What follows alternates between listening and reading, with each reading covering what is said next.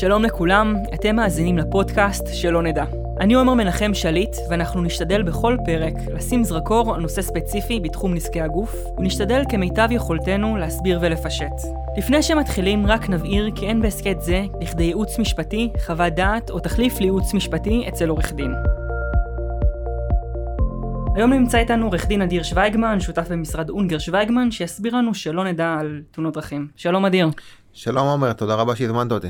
סתם כדי לסבר את האוזן, בשנת 2020 פתחה משטרת ישראל כ-64 אלף תיקי תאונות דרכים, ובשנה ממוצעת נפגעים כ-20 אלף איש. מה שמציב את ישראל במקום די בעייתי ביחס למדינות אירופה. מכאן אני בטוח שכמעט כולנו היינו מעורבים בתאונות דרכים, או שלכל הפחות מישהו יקר ללבנו היה מעורב. ואם חושבים על זה, למה בעצם שווה לי כל הכאב ראש הזה? בסוף אני משקיע המון זמן, משאבים, כואב לי, ואני הולך לעורך דין, וכל מה שאקבל לא יכסה את הכל. זה שווה את זה בכלל?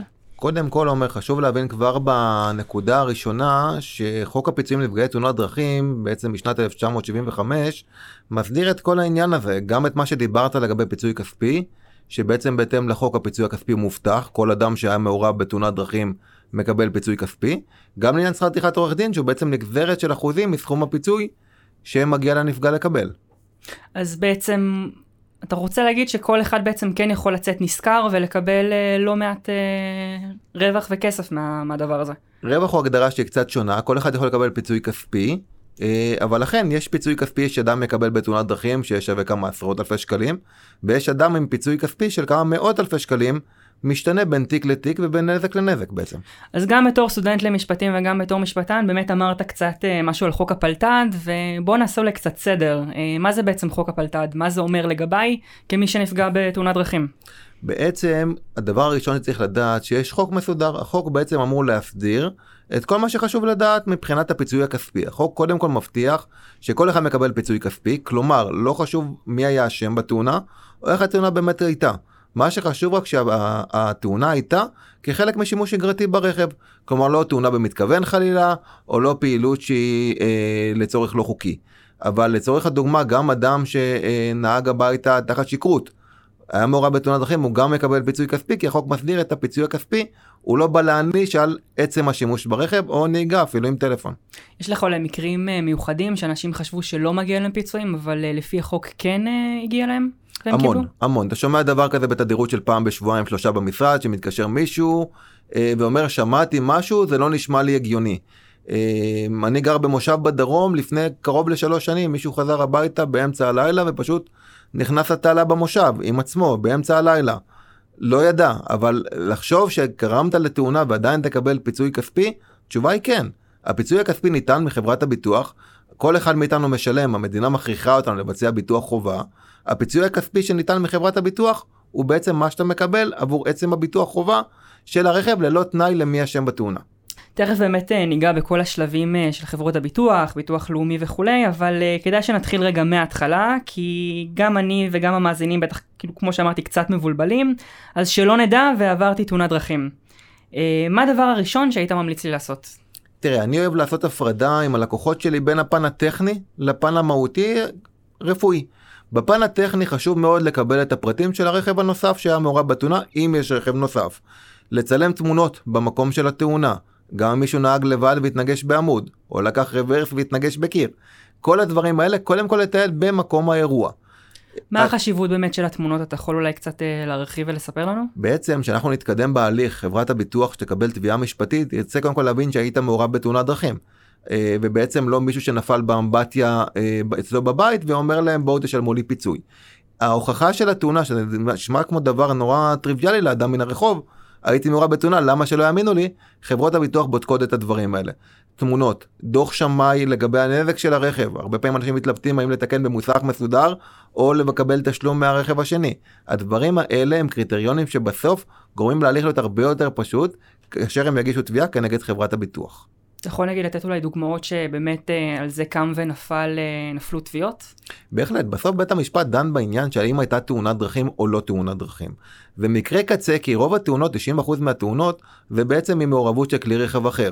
ואז ברגע שיש שני כלי רכב מגיעים למשטרה, המשטרה מוציאה אישור משטרה לתאונה, יש תיקון של הרכב, הדברים האלה עוברים מאוד מאוד בקלות. כשאין דבר כזה, אז בעצם בית המשפט צריך להידרש לסוגיה, האם הייתה תאונת דרכים, או שלא. מה לדוגמה לגבי אדם שנהג ברכב שלו ונכנס לעמוד?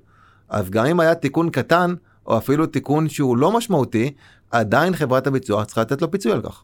אוקיי, אז באמת אמרנו שיש את הדברים הטכניים האלה, אני מעריך שיש את הדברים הקצת יותר מסובכים שהם כל הטיפולים הרפואיים והפן הנזיקי של הגוף. לא הייתי מגדיר את זה כדבר מסובך, אומר, מה שצריך להבין, שקודם כל כל הצד שדיברנו עליו עד עכשיו, הצד הפרוצדורלי הטכני, הוא סובל דיחוי.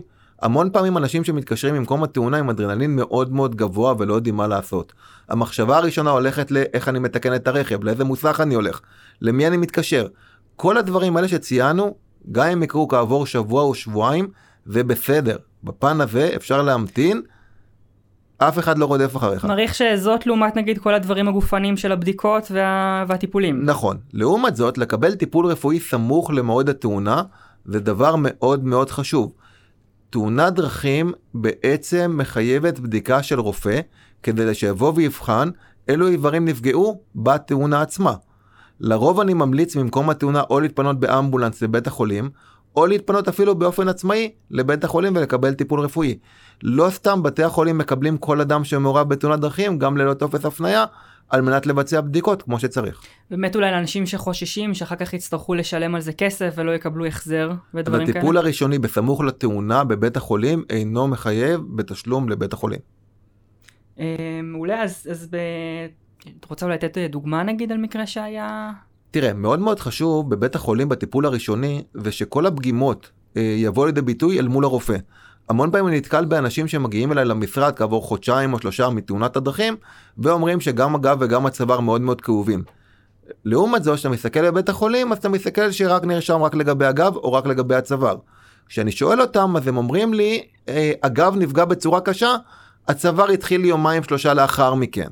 או הפוך. לכן אני חושב שהטיפול הראשוני הוא מאוד מאוד חשוב. אף אחד מאיתנו לא עבר את, ה, את לימודי הרפואה.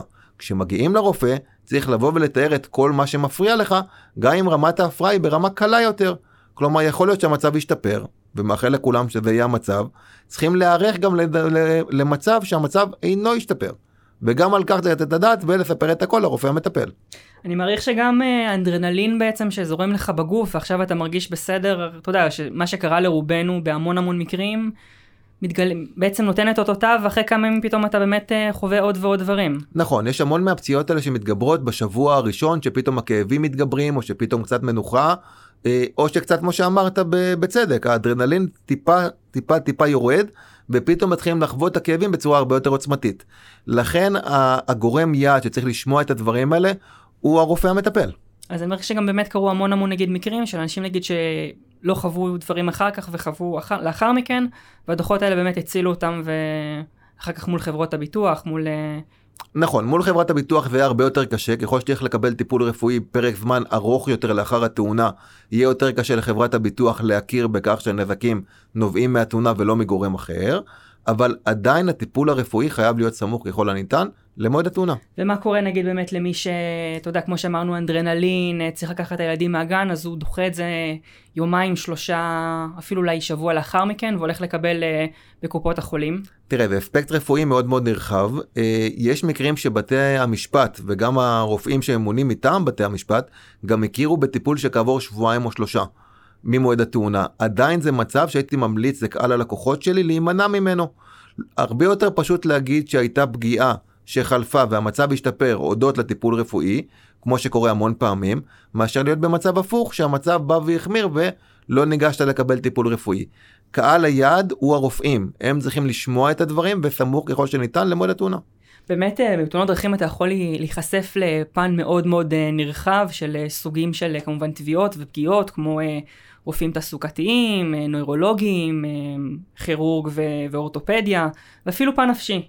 אה, השאלה שלי, שוב, שלא נדע ואני אה, חווה עכשיו תאונת דרכים, איך אני אדע לאיזה רופא ללכת ולאיזה טיפולים בעצם אה, לקבל?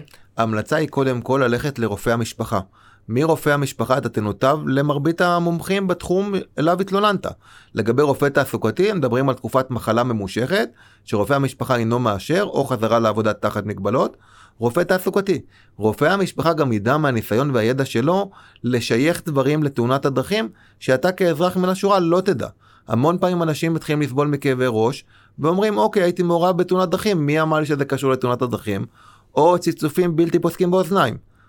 הממד הנפשי שדיברת עליו הוא גם מאוד מאוד צובר תאוצה, אה, כי בוא עומר עוד פעם צריך להבין תאונת דרכים זה אירוע של שנייה שיכול לשנות חיים שלמים. קשה לנו בתור בני אדם להכיל את האירוע הזה שבתוך מספר שניות התוכניות שלנו משתנות ופתאום אנחנו צריכים עזרה בדברים ופתאום כל המסלול חיים בעצם יכול להשתנות בבת אחת. לכן הטיפול על ידי רופא המשפחה הוא מאוד חשוב. אם נחזור שנייה באמת לפן הנפשי, אני מעריך שזה משהו שצבר ככה תאוצה ואתה יודע, וקיבל את המקום שלו רק בשנים האחרונות. אה, מה באמת מי שחווה עכשיו אה, משהו שהוא נפשי, פוסט טראומה בעקבות התאונה, אה, יכול לקבל? אני מניח שבשנים האחרונות זה פשוט בא לידי יותר ביטוי כי המודעות גברה לחלוטין. בקרב הקהל. אבל התופעות האלה של לסיים תאונת דרכים עם סיוטים או עם חרדות, אנשים זה חוששים לחזור לכביש, או שפתאום חלומות אה, לא טובים בלילה, מחשבות על מה קורה אם. הטיפול הנפשי הוא כן טיפול שיכול לעזור להתגבר על הדברים, יש את הכלים לבוא ולהתגבר על, ה, אה, על המגבלות האלה. וכדאי מאוד לפנות לרופא ולקבל טיפול. ואתה יכול אולי קצת להרחיב איך זה בא לידי ביטוי נגיד בחברות הביטוח, אה, ביטוח לאומי ו... תראה, בסופו של דבר לגבי כל התחומים שדיברנו עליהם, בתי המשפט ממנים מומחים רפואיים מטעמם, שיבואו ויבדקו את האדם שנפגע בתאונת דרכים, בחלוף כשנה ממועד התאונה. ובמידה ובאמת אה, רופא המשפחה שלי אה, פספס משהו, או, או שאני גיליתי מאוד מאוד מאוחר, יש לך אולי עצה איך אה, בעצם אפשר אה, לתקוף את זה? תשובה מאוד טובה תמיד היא לקבל ייעוץ משפטי. אה, עורכי דין שמתעסקים בתאונות דרכים או בתאונות בכלל, שומעים וראו המון המון מקרים של אנשים במצב חי לאחר תאונה כזאת. אוקיי, אז באמת אמרנו עכשיו, דיברנו באמת על הפן הפסיכיאטרי, אבל בואו נחזור קצת לנושא הכללי יותר. אז איך באמת קובעים מה, מה, מה הנזק? בעצם במסגרת החוק גם מסדיר את החוק עצמו בעצם מסדיר גם את הסוגיה שכיצד נקבע הנזק הרפואי שנגרם לאדם שמעורב בתאונת דרכים. החוק בעצם נותן שתי אפשרויות. אפשרות ראשונה זה שבית המשפט ימנה מומחה מטעמו בכל נזק, שת... בכל תחום שטענת לנזק בו. זה יכול להיות מומחה בתחום האורתופדי שזה מאוד נפוץ לאחר תאונות כאלה. יכול להיות גם מומחה בתחום של האף אוזן גרון, נוירולוג, נפשי, בכל תחום שהוא. התפקיד של אותו רופא זה בעצם לקבוע מה שיעור הנזק שנגרם באותו התחום. בעצם המומחה יושב, המומחים האלה מאוד מנוסים, הם מכירים את לוח התקנות של המוסד לביטוח לאומי, ועושים בעצם התאמה בין הנזק הרפואי ללוח התקנות של ביטוח לאומי.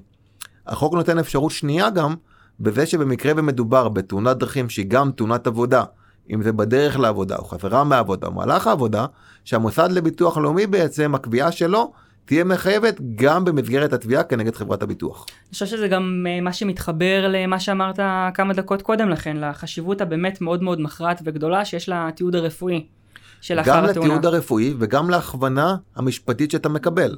אנחנו כעורכי דין חייבים להכיר את לוח התקנות ולעשות התאמה. ניתן לך דוגמה ממש מלפני שבוע, כשנכנסה מישהי למשרד עם אה, שבר בכתף, היא ניגשה לבד לביטוח לאומי. הביטוח הלאומי בדק את העניין של הסעיף שעוסק בפגיעה בשרירי הכתף. מה שהביטוח הלאומי לא בדק, כי אותה לקוחה לא הכירה את זה, את הגבלת התנועה בכתף. ובבת אחת, בטיעון אחד, היא פספסה פה מספר אחוזי נכות, שיכול לגרום לפיצוי הכספי שלה להיות הרבה הרבה יותר גבוה. זהו, אז באמת אה, נשים רגע דגש על המוסד לביטוח לאומי או חברות הביטוח בפרט, כי ניתן להגיד שהן נחשבות לחלק מהגופים הפחות אה, או אהודים אה, במדינה בלשון המעטה. אחת הנגזרות הבולטות שלו הן הוועדות הרפואיות או מומחים רפואיים שקובעים בעצם הלכה למעשה אחוזי נכות וכמה כסף אה, יקבל הניזוק, דהיינו מה הפיצוי שיקבל אה, כל מי שמגיש תביעה. יש לך אולי טיפים או דרכים לייעץ איך אפשר להתמודד עם הפחד הזה והאם הוא באמת מוצדק? קודם כל ההמלצה הראשונה זה לקבל ייעוץ משפטי לפני הוועדה ובמהלך הוועדה. יש חשיבות להימצאות של עורך הדין בתוך חדר הוועדה, והתאמה בדיוק כמו שנתנו את הדוגמה של הכתף. התאמה בין התלונה הרפואית לתקנה המתאימה בלוח התקנות. המון פעמים יש מספר תקנות של ביטוח לאומי שמתיישבות עם אותה פגימה. התפקיד של עורך הדין זה לדאוג עבור הלקוח שלו לקבל את התקנה שהכי תטיב עם הזכויות שלו. אז באמת אמרנו של איך אה, נמדד הפיצוי, ועכשיו אמרת באמת אה, שיש אה, גם את ביטוח לאומי, ומנגד גם יש את חברות הביטוח. אה, לא הרבה יודעים שגם אפשר אה, להגיש הרבה פעמים אה, שתי תביעות שהן נגדיות, זאת אומרת שתי תביעות שהן ביחד. אתה יכול קצת להסביר מה, מה קורה במקרים האלה? כי הבנתי שכן יש איזושהי פרוצדורה שהיא... במקרה ואתה בוחר במסלול של קביעה רפואית בהתאם לוועדה הרפואית של ביטוח לאומי, התביעה הראשונה תהיה כנגד המוסד לביטוח לאומי, ששם יהיה פיצוי כספי שכנראה לא יכסה עבור מלוא הנזק שלך.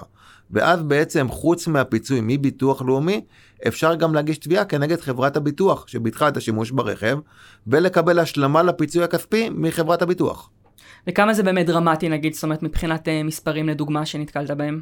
תראה, הפיצוי בגין אה, תאונת דרכים, הפיצוי בגין נזק הגוף בעצם, הוא נחלק בשפה המשפטית, אנחנו קוראים לזה ראשי נזק, בעצם קטגוריות מעין סוגי סעיפים, שבית המשפט אמור לבוא ולחשב מה הפיצוי שמגיע לכל אחד. הסעיף המרכזי בהם זה פיצוי עבור אובדן השתכרות. יש את הפיצוי שברור לכולנו עבור הפסדי עבר. אם אדם ערב התאונה הרוויח 20 אלף שקלים ולאחר התאונה עובד פחות ומשתכר רק 10,000, אז הפער בין זה לבין זה אמור להיות מכוסה על ידי חברת הביטוח. ופיצוי שניתן ממש לראות ולהרגיש אותו. הפיצוי המרכזי בתיקים האלה הוא עבור פיצוי השתכרות עתידי. אדם צעיר יש לו המון שנות עבודה קדימה, צריכים לבוא ולהעריך מה הנזקים העתידיים שבעצם יגרמו לו שהם אופציונליים, הם לא צריכים להיות הפסדים בפועל, אלא מה יכול להיגרם. ולרוב יהיה הפיצוי, הפיצוי העיקרי אה, בתיקים כאלה. יש פיצויים נוספים עבור עזרה. אדם שפתאום נפגע בגב, קשה לו מאוד להתכופף, לנקות, לסדר את הבית או אפילו לטפל בילדים. הוא יקבל פיצוי בגין עזרה מוגברת שהוא צריך לקבל. מלבד עוד עבור הוצאות רפואיות. אנחנו רואים היום המון תיקים שמאשרים קנאביס רפואי, שזה גם הוצאה מוכרת. אם מצליחים לקשר את זה לפגימה בתאונה. עבור ניידות, בן אדם שרוצה להגיע ממקום למקום ובגין המגבלות שלו לא יכול לבצע את זה. ועבור כאב וסבל, שגם זה במסגרת החוק באים וקובעים, מסור לשיקול דעת של בית המשפט, או בתיקים מעל 10% נכות, פשוט קטגוריות שעל בסיס החישוב מחושב הפיצוי. יש לך אולי כמה תחומים וראשי נזק אה, בשפה המקצועית שאני נגיד והמאזינים לא חשבנו או העלינו על דעתנו שנוכל לקבל עליהם אה, החזר או פיצוי, אבל החוק דווקא כן אומר שאפשר? החוק בעצם אומר בראש השבת המצב לקדמותו. חברת הביטוח צריכה לתת פיצוי על כל הנזקים שגרמו, שהתאונה גרמה לך במסגרתה.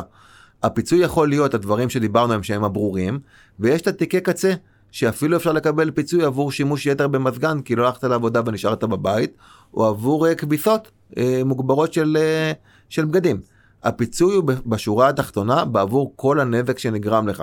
שירותי תיקונים בבית, הסעות מיוחדות לטיפולים, וכל הדברים האלה, שהתפקיד של עורך הדין זה לעשות קשר בין ההוצאה המוגברת לבין הפגימה בתאונה. אז באמת עכשיו דיברנו אולי איך נמדד הפיצוי אה, בחברות הביטוח, תוכל קצת להגיד איך נמדד הפיצוי בביטוח לאומי? ביטוח הלאומי בעצם קובע בסיס שכר לצורך הפיצוי, שהוא בעצם לוקח ממוצע של ההשתכרות. אנחנו בעצם מבטחים חלק מרכיבי השכר שלנו, זה ביטוח לאומי. ביטוח לאומי לוקח את האדם שנפגע, ממוצע השכר בשלושת החודשים שקדמו לתאונה, על פי זה קובע את בסיס השכר שמגיע לו לשם הפיצוי, ואז לפי הקביעה של הביטוח הלאומי, בא ונותן פיצוי. במידה והמוסד לביטוח לאומי קובע אחוזי נכות נמוכים, אז אין פיצוי לגמרי מביטוח לאומי והפיצוי הוא רק מחברת הביטוח. ואז כמו שאמרנו אפשר בעצם אה, כן אה, להגיש תביעה נגדית גם לחברת הביטוח. נכון. טוב אז אה, נראה לי שהמצב הרבה יותר ברור עכשיו גם לי לפחות אבל אני מעריך שגם למאזינים. אז רגע לפני סיום אולי תספר לנו על תיקים שהסתיימו ממש מהחודש או מהשבועות האחרונים. uh, תראה מאוד מאוד קשה בעניין של תאונות דרכים להקיש מאירוע לאירוע אבל אם אני אעלה ככה בזיכרון בחודש האחרון uh, סיימנו תיק של זוג חברים מאוד מאוד קרוב שקבעו בשבת בבוקר בחמש בבוקר טיול לדרום במהלך הטיול uh, היו מעורבים בתאונת uh, דרכים בכביש הערבה. Mm-hmm. Uh, התיק שלהם מסתיים שכל אחד מהם קיבל 400 אלף שקלים. וואו. וגם כן בדיוק היה לנו עכשיו. אני מעריך שזה משהו שהם לא חשבו בהתחלה שהם uh, בעצם יוכלו uh, לקבל.